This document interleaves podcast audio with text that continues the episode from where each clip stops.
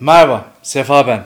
Mümkansız isimli podcast serimin 3. bölümüne hoş geldiniz. Nasılsınız görüşmeyeli? Umarım her şey yolundadır. Bende durumları iyi şükür ancak evde geçici baktığım kediyi kaybettik. Çok düzelmişti, kilo almıştı, seke seke de olsa oynuyordu ama maalesef koronası bir gecede fibe çevirmiş. Bir anda halsizleşti ve hiç hareket etmeden geceden sabaha kadar yattı. Veterinere gitti ama maalesef oradaki gecesinin sabahında ölmüş. İnsan böyle bakıyor, besliyor, umutlanıyor iyileşecek diye. Sonra bir anda küt gidiyor. Ölüm aslında o kadar yakın bize işte. Biraz da bunu sorgulatıyor böyle anlar insana çünkü günlük yaşam rutininde asla gelmiyor hayatımızın bir gün aniden son bulacağı. Geçen tam bununla ilgili bir tweet'e denk geldim. Uzun bir süre baba oğul görüşememiş ve WhatsApp'tan mesajlaşıyorlar buluşmak ve kahvaltı etmek için. Aradan 5 saat geçiyor. Çocuğa babanız öldü gelin naaşını alın diyorlar. Çocuk yola çıkıyor ve konuşmalarından sadece 15 saat sonra babasını toprağa gömüyor. Bir gün bile değil arkadaşlar. İşte bu kadar kolay kaybedebiliyoruz sevdiklerimizi maalesef. Peki böyle bir girişi neden yaptım? Bunları neden anlatıyorsunuz derseniz. Çünkü gerçek hayatta birbirimizi ikna edemiyoruz da o yüzden. Bugünkü konumuz önce hayatta sonra da oyunculukta iknanın temeli güven. İkna yoksa başarı da yok çünkü. İlk bölümde biliyorsunuz sıfır noktasından başlamıştık. Yani sepetimizde hiçbir şey yoktu. Sonra diğer bölümde buna biraz temel attık. Çocuk gibi oynama konusuyla. Şimdi biraz bu çocuğu artık emekletmek lazım. Yani çocuk oynuyor ama biz şu an yetişkiniz. Çocuk gibi oynayıp bir yetişkin gibi inandırmalı ve ikna etmeliyiz. Peki nasıl ikna ederiz? Bunu anlayabilmek için önce kendi kendimizi nasıl ikna ettiğimizi, sonra çevremizi ve hayattaki diğer durumlarda nasıl bir ikna edebilme durumumuz olduğunu ve sonra da gerçek hayatta uyguladıklarımızı oyunculukta ikna ile birleştirerek konuyu bir sonraki adama taşıyacağız. Öncelikle iknanın kelime anlamına bakalım istiyorum. Burada bence ikna ikiye ayrılıyor. Kitlesel ikna ve bireysel ikna diye düşünüyorum. Kitlesel ikna siyasetçilerin konuşmalarında halkı ikna etmesi ya da işi bırakma eylemi yapan fabrika işçilerini ikna etmeye çalışan patron gibi ya da bir dinin yayılmasında insanları ikna etmek gibi. Bireysel ikna birebir ilişkilerde hoca öğrenci, karı koca, iş mülakatında iş arayan ve işverenin birbirini iknası veya size bir şey satmaya çalışan satış danışmanının sizi iknası gibi. Sözcük anlamı ise e, başkalarının fikirlerini, düşüncelerini, hareketlerini ve kararlarını değiştirmeye ikna becerisidir diyor. Oyuncu da aslında bireysel iknadan kitlesel iknaya giden bir yol izler. Önce karaktere inanır, kendinin o kişi olduğuna ikna ederse seyircinin de tamamını o karakter olduğuna çok rahat ikna edebilir. Peki iknanın anlamını öğrendik. Gerçek hayatta önce insan nasıl ikna olur? Şimdi burada birlikte düşünelim. Bir fikriniz var ve kararınız var ama karşı tarafın da var. Ve bunu karşı tarafı domine etmek adına değil de iki tarafın da faydasına dokunacak bir şekilde nasıl ikna edersiniz? İkna aslında başarılı bir iletişimin vazgeçilmez unsuru. Bu unsuru hepimiz güçlü ya da zayıf kullanıyoruz. Örneğin e, günlük hayatta şu filme kesin git abi. İşte Bitcoin yükseldi oraya yatırım yapmak lazım. Şu partiye oy ver diğerleri yalan. Orası çok uzak abi gitme boşu boşuna gibi temel anlamda karşılaşabileceğimiz günlük başlangıç seviyesindeki iknalar bunlar. Buradaki en önemli araç dilimiz doğal olarak. Bir insanın ikna olabilmesi için de en önemli şart size güven duymasıdır. O zaman bu şartı doğru tanımlamak gerekir. Güven nedir? Güven duygusu nasıl oluşur? Güven maalesef elle tutulur, gözle görülür, somut bir kavram değil. Sonuçta hepimiz birilerine kalpten güven duyarken birilerine de hiç güvenmiyoruz. Bunu oluşturan sebepler neler? Biraz bunları konuşalım.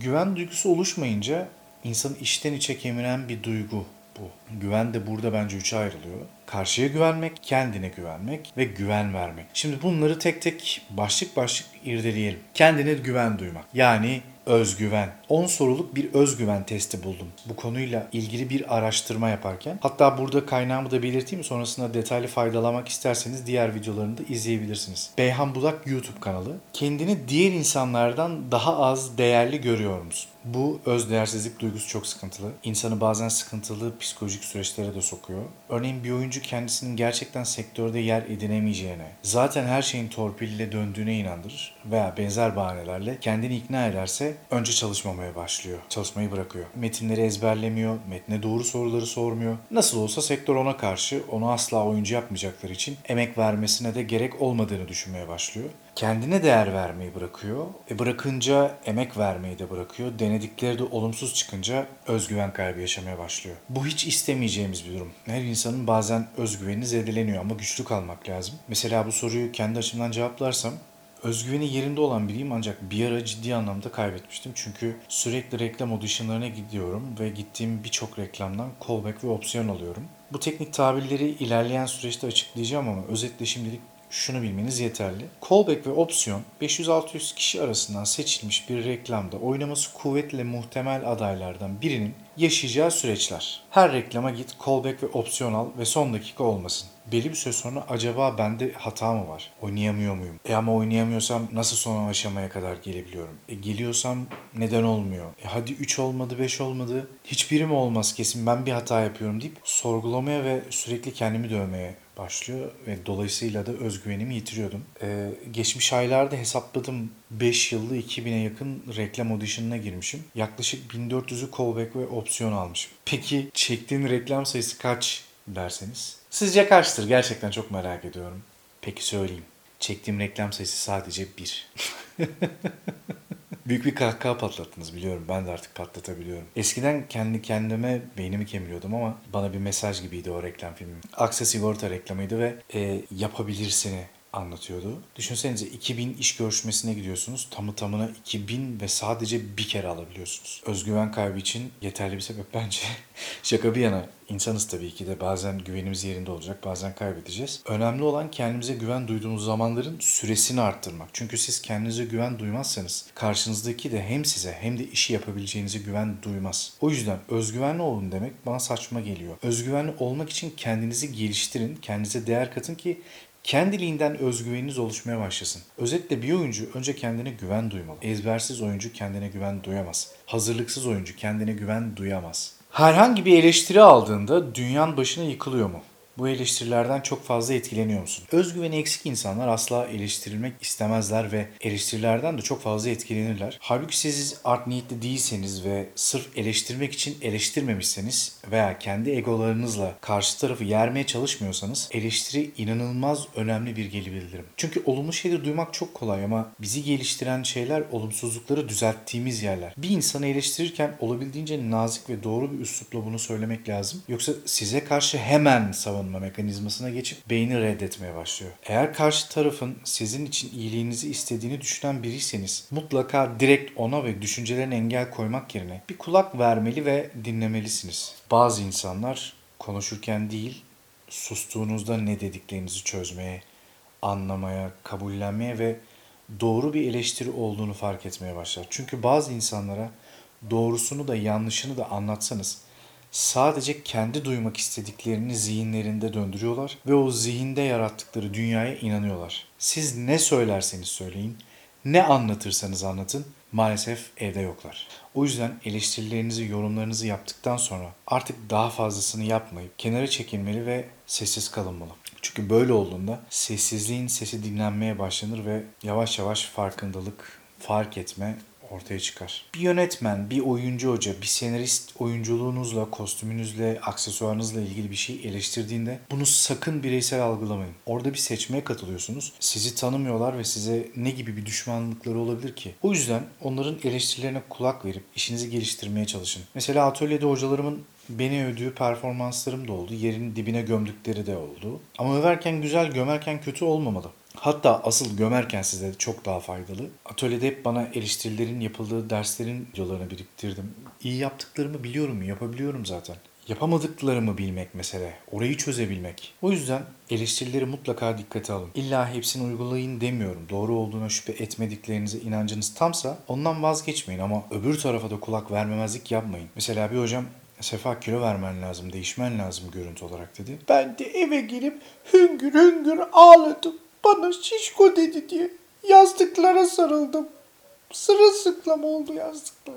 Tabii ki de doğru söylediğini kabul edip bunu değiştirmeye yönelik hareket etmeye başladım. Çünkü ben kilo almışım, vermişim. Onun umurunda değil ki. Olmaz da zaten. İyiliğim adına bir şey söylüyor ve doğru söylüyor. Evet, şimdi diğer soruya geçelim. Biri sizi övdüğünde veya başarılı olduğunuzu söylediğinde teşekkür edip kabul etmek yerine kendini yetersiz ve başarılarını değersiz görüyor musun? Kendi başarılarını gömmek, kendi kendini dövmek, kendi kendine değersizleştirmek de özgüven eksikliğinin en önemli göstergelerinden biri. Ki yıllarca böyle yapanlardan biri de benim. Başak büyüdükçe boynunu eğer düsturunu fazla mütevazilik ve efendilikle karıştırınca ortaya değersizlik ve özgüvensizlik çıkıyor. Her şey dozunda ve ölçüsünde değerli diye düşünüyorum. Nuri Bilge Ceylan'ın da dediği gibi mütevazilik falan hiçbir zaman gerçek bir üstdeğer olmamıştır bizde. Bir ortamda mütevazi olmaya kalkarsanız saygı hemen azalmaya başlar. Hissedersiniz der. O yüzden onun da bir ölçüsü olması gerektiğini düşünüyorum nacizane. Yetersizlik hissi ve daha ben ne başardım ki dur bakalım ya o yapacak çok şey var düşüncesi yeterince başarılı olmadığınıza kendi kendinizi ikna ettiğiniz ettiğimiz yer. İknadan önce güven konusunu anlatmamın da sebebi bu. İknadan önce güven konusunu anlatmamın da sebebi bu. Evet diğer soruya geçelim. Dışarıda gerçek hayatta bir adım atmak yerine evde hayal kurmayı mı tercih ediyorsun? İnsanlar seni hayalci, içe dönük ve çok fazla hayalperest değerlendiriyor mu? Evet oyunculuk güzel hayal ama evde değil.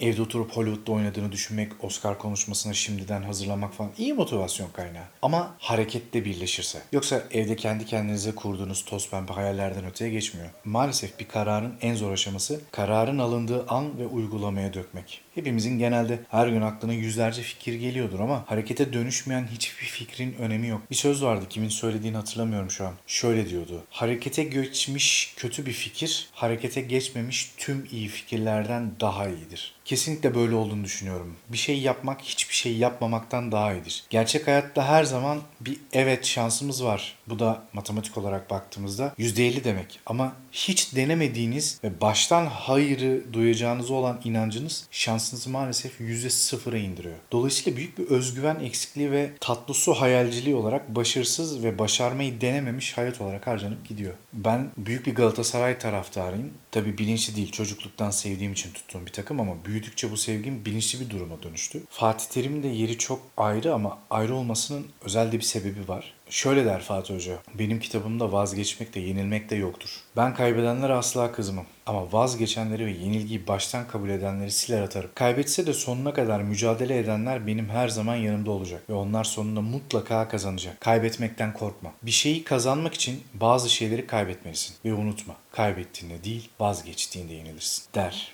Yani Kaybedeceksem bile denerim, mücadelemi yaparım, elimden geleni ortaya koyarım ama başım dik kaybederim felsefesi. Bunları boş bir gazlama ya da kişisel gelişimci pohpohlaması olarak söylemiyorum. Deneyin, gerçekten kalkın ve deneyin. Olmazsa olmaz ama hiç denememekten iyidir gerçekten. Çünkü bir gün ya deneseydim belki olurdu düşüncesi günün birinde kafanın içini kemirecek. Kendine güvenmekle ilgili en önemli başlangıçlardan biri bu. Burası tamam olursa seyirciyi ikna etmek de bir o kadar kolay olabiliyor. Bir diğer soruya geçelim. Kendi değerini kendi içinden mi ölçüyorsun yoksa etraftakilerle kendini kıyaslayarak? Birilerinin başarıları, yaşamları, kariyer yolculukları, maddi durumları, oturduğu muhit, bindiği araba, gittiği mekanlar vesaire vesaire üzerinden mi kıyaslıyorsun? O zaman ciddi bir özgüven eksikliğine sahipsin. Oyunculukta da var bu maalesef. Bırakın diğerlerini. Öğrenmeniz gereken şeyleri öğrenin. Kariyerlerinden feyz alın ama kendinizi o kariyerlerle kıyaslamayın. Çünkü oyunculukta da hayatta da herkesin kendi yolculuğu ve kendine ait özel bir hikayesi var. Evet, yeni insanlarla tanışmakta zorlanıyor musun? İçine kapanık, dış dünyaya küskün, sen ve senin kutsal acılarınla yaşadığın, hiç kimsenin seni anlamadığını düşündüğün o hayaldeysen. Çık o yerden benim güzel kardeşim çık. Orada bir numara yok. Oranın sana da bir faydası yok. Bir oyuncu adayının kesinlikle en önemli yeteneklerinden biri insanlarla tanışabilme özgüveni olması. Çünkü her yeni insan duygularını, tepkilerini, sözlerini, yüz ifadelerini bir başka insana göre farklı sergileyen biridir. E bu da bir oyuncu için bulunmaz nimet. Ne kadar çok yeni insanla, kişiyle tanışırsan o kadar çok oyunculuk yaratıcılığı besleniyor. Çünkü her yeni insan senin bir gün bir projede oynayacağın yepyeni bir karakter. Buraya bir atarlı tweet ya da sarılmış iki dost resmi üzerine az insan çok huzur atarları dökmeye gerek yok. İnsanın tabii ki çok sık görüştüğü dostları olabilir ama yeni insanlar tanımak da bir başka güzel. Fikrinizin veya uzmanlığınızın olduğu bir konuda dahi ifade etmekte kendinizi zorlanıyor musunuz? Bildiğiniz ve bildiğinizden emin olduğunuz bir şey söylemekten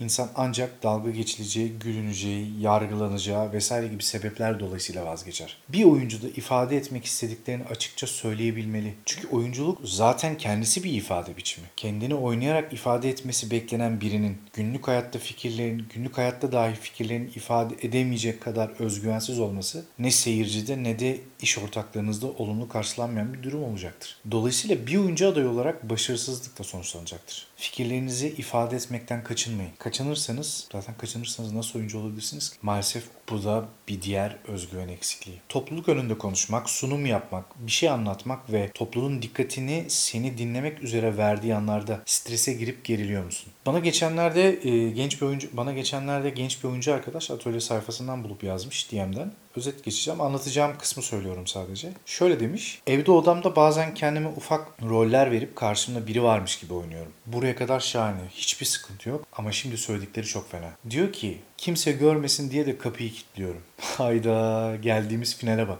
İleride mesela dizide oynadın televizyonu mu kapatacaksın? Ya da filmde oynadın komple sinema salonunu mu kapatacaksın? Ne yapacaksın yani? Oyuncu olan bir insanın sahneden, görünmekten, görülmekten korkmuyor olması lazım. Sen bunu zaten yapacaksın. Oyuncu olan birinin zaten hayatı görülmek, keşfedilmek çabasıyla geçiyor. Sen hiç izlenmemek ama oyuncu olmak istiyorsun. Bu ne periz, bu ne lahana turşusu. Evet, diğer soruya geçelim. Diğer insanlar sana güzel, yakışıklı, akıllı, başarılı dese bile sen kendini değerlendirdiğin zaman bunların aksini mi düşünüyorsun? Bu da bir özgüven eksikliği göstergesi, aksini düşünüyorsan. Çünkü kendi öz benliğini başkalarının değerlendirmeleri değerlerine ve kıstaslarına göre yaşamak demek aslında. Yarın öbür gün sana söyleyecekleri bir şey ve senin değersiz hissetmen seni psikolojik bir bunalıma da sürükler çünkü. Bir oyuncu olarak kendine objektif davranmalısın. Artı ya da eksi yönlerini bilmelisin. Hepimizin birbirinden farklı ve özel yetenekleri var. Bakış açısı önemli olan burada. Bir söz var ya sen bir balığı ağaca çıkamıyor diye yargılarsan balığı yeteneksiz bulursun. Kendi potansiyelin, yapmayı sevdiklerinin, deneyince yapabildiklerini keşfedip öyle başlamak lazım. Kendini dövmemek, güzel sözü, övgüyü kabul etmek gerek. Sen kendine önem vermezsen maalesef kimse sana önem vermiyor zaten. Evet, yeterince özgüveni yani kendine yaptıklarına, yapabileceklerine güven duymayı konuştuk. Sıra karşıya güven vermek ve duymakta. Bu başlıkları algılayabilirsek ancak o zaman iknayı kavrayabilir ve ikna edebilme yetkinliklerimizi geliştirebiliriz. Güvenilir olmak ilişkide, işte, arkadaşlıkta o kadar önemli bir yer kaplıyor ki. Sağlam iletişimin en önemli şartlarından biri de bu. Peki nasıl güven verilir? Tabii ki verdiğiniz sözleri tutarak. Mesela ne olursa olsun ilişkide küstünüz, kavga ettiniz veya iş yerinde patronla çatıştınız veya arkadaşınızla kapıştınız konuşmuyorsunuz. Söz verdiğiniz ve küslük sebebiyle yapamadığınız bir sözünüz varsa mutlaka yerine getirin. Hem vicdanınız için hem de ne olursa olsun sözünüzü tuttuğunuz için. Böylece küslük veya kavga durumunda bile sözünü yerine getiren kişiye herkes güvenir. Mutluyken, anlaşıyorken yerine getirmek kolay. Mesele bunlar olmadığında yapabilmek. Hem karşı taraftaki algınız fazlasıyla olumlu olacaktır. Hem de vicdanınız rahatken sözünüzü tutmanın vermiş olduğu mutluluğu da yaşayacaksınız. Örneğin sete sık sık geç kalan ve sık sık ezbersiz gelen oyuncu firmaya, ekibe karşı dolaylı da olsa vermiş olduğu sözü tutmamış olduğu için karşı tarafta ciddi bir güvensizlik algısı oluşturur. Bu güveni yıkarsanız da bir daha hiç kimse sizle çalışmaz. Söyledikleriyle yaptıkları örtüşüyor olmak bir diğer başlık. Mesela oyuncu olmak istiyorum diyen birinin hiç tiyatroya sinemaya gitmemesi, dizi veya film izlememesi, bununla ilgili eğitim fırsatlarını araştırmaması ciddi bir çelişkidir. Bu da yine karşı tarafta sizinle alakalı soru işaretleri barındırır ve bir güvensizlik yaratırsınız. Sorumluluk sahibi olmak. Örneğin bir reklam deneme çekimi için sizden oyun istediler. İş acil bir iş ve telefonla çekip atmanız istendi. Siz de tamam gönderirim dediniz ve göndermediniz. Karşı taraf size karşı olan güvenini kaybetti. Bitti. Belki bir daha size iş bile yönlendirmeyecek arkadaşlar. Peki bunları doğrusunu yaptınız ve karşı tarafa güven verdiniz. Peki güven vermeyi hallettikten sonra ya siz nasıl güven duyacaksınız? Kalbi kırıklar, dolandırılanlar, kazık yiyenlerin en çok sorduğu soru sanırım bu. Bu başlığı biraz uzun konuşacağız galiba. Geçmişte her birimiz çeşitli olaylar yaşadık. İşte arkanızdan konuşanlar, yeni biriyle sizi aldatanlar, dost sandıklarınızın arkanızdan konuşması gibi ama bütün bunları yaşayanlar ve yaşatanlar hep biziz ve bir aradayız. Şeye çok gülüyorum böyle YouTube'da, televizyon kanallarında, röportajlarda herkes insanların birbirini artık sevmediğinden, eski günleri çok özlediğinden falan şikayet ediyor. Herkes diğerlerini bu konuyla ilgili suçluyor.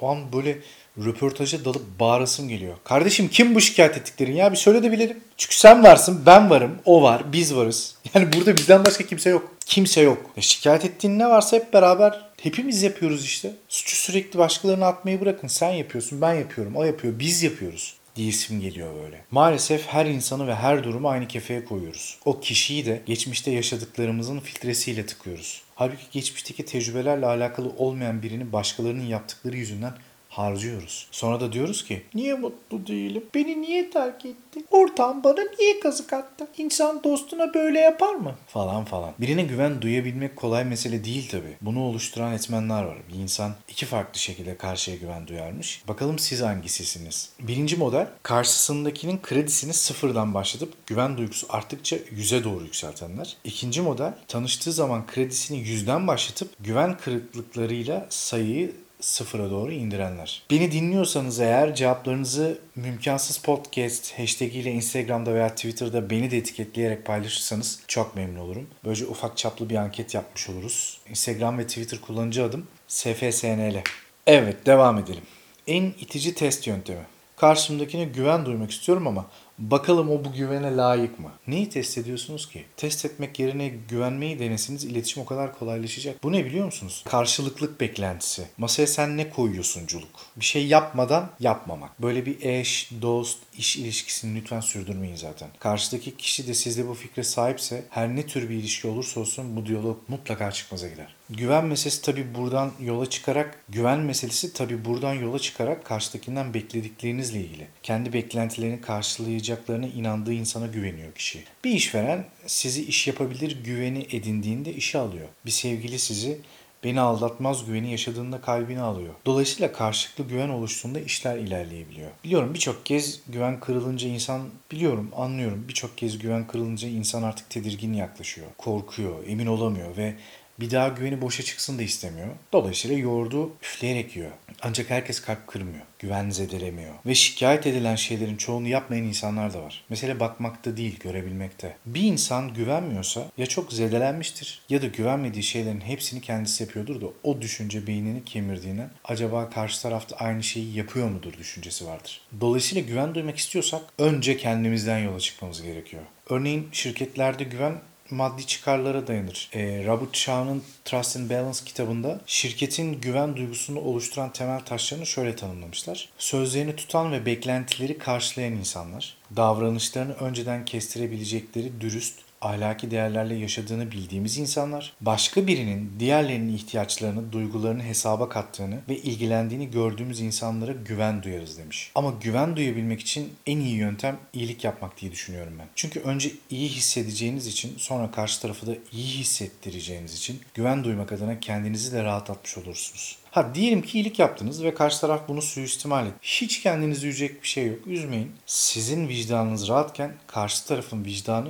bundan daha fazla rahatsız olacak. Bugün hemen şu an değilse bile bir gün mutlaka olacak. Bir de sizin ferahlığınız var ortada sonuçta. Tabii ki bu demek değil ki saf olmayın. Tadında ve ölçülü olmak lazım her şeyde olduğu gibi. Böylece rahatlıkla karşıya güven duyabilirsiniz. Yok zaten sizin kafanızı düşünceler kemiriyor, kafayı yemişçesine farklı güvensizliklere giriyorsanız oradan zaten hemen uzaklaşın. Kendinize de karşınızdakine de acı çektirmeyin. Acaba başka kızlarla konuşuyor mudur? Benim bu ayki maaştan fazla mı kesinti yaptılar? Kankam beni arkamdan gammazlıyor mudur? Gibi gibi hastalık seviyesine bile ulaşabilecek seviyedeki güvensizliklerle kimseye güven duymanız mümkün değil zaten. Hocasına güven duymayan, yönetmenine güven duymayan, menajerine güven duymayan, yapımcıya güven duymayan, ekip arkadaşlarına güven duymayan bir oyuncunun bu kadar güvensizlikle sardığı zihnini rahatlatıp iyi bir oyunculuk sergilemesi ve ekip arkadaşlarının haklarından çalmaması mümkün değil. Çünkü güvensizlik tereddütü, tereddüt ise tedirginliği, o da konsantrasyonu bozar. Konsantre olmayan bir oyuncu iyi oyun veremezse birlikte iş yapılan bir ortamdaki herkesin emeğinden çalmış olur. Önce güvenmeyi denemek lazım. Güven duyarsanız rahatlarsınız. Rahatlarsanız kendinizi iyi oyuna ikna edersiniz. Böylece seyirci de sizin olduğunuza değil, bambaşka bir karakter olduğunuza inanır. Evet bu bölümde iknanın temeli güven adımını detaylı bir şekilde inceledik. Çünkü güven olmadan ikna olmayacağı için e, iknaya biraz giriş yapmış, güveni detaylı incelemiş olduk. Bir sonraki bölümde detaylı bir ikna konusunu işliyor olacağız. Bu yayında kullandığım kaynaklar Mustafa Kemal Üniversitesi 2013 tarihli ikna üzerine hazırlanan makale, Profesör Doktor Acar Baltaş Güven Duygusu Oluşturma, Beyhan Budak YouTube kanalı. Şimdilik bu kadar. Beni dinlediğiniz için teşekkür ederim. Haftaya görüşmek üzere. Kendinize iyi bakın. Bye bye.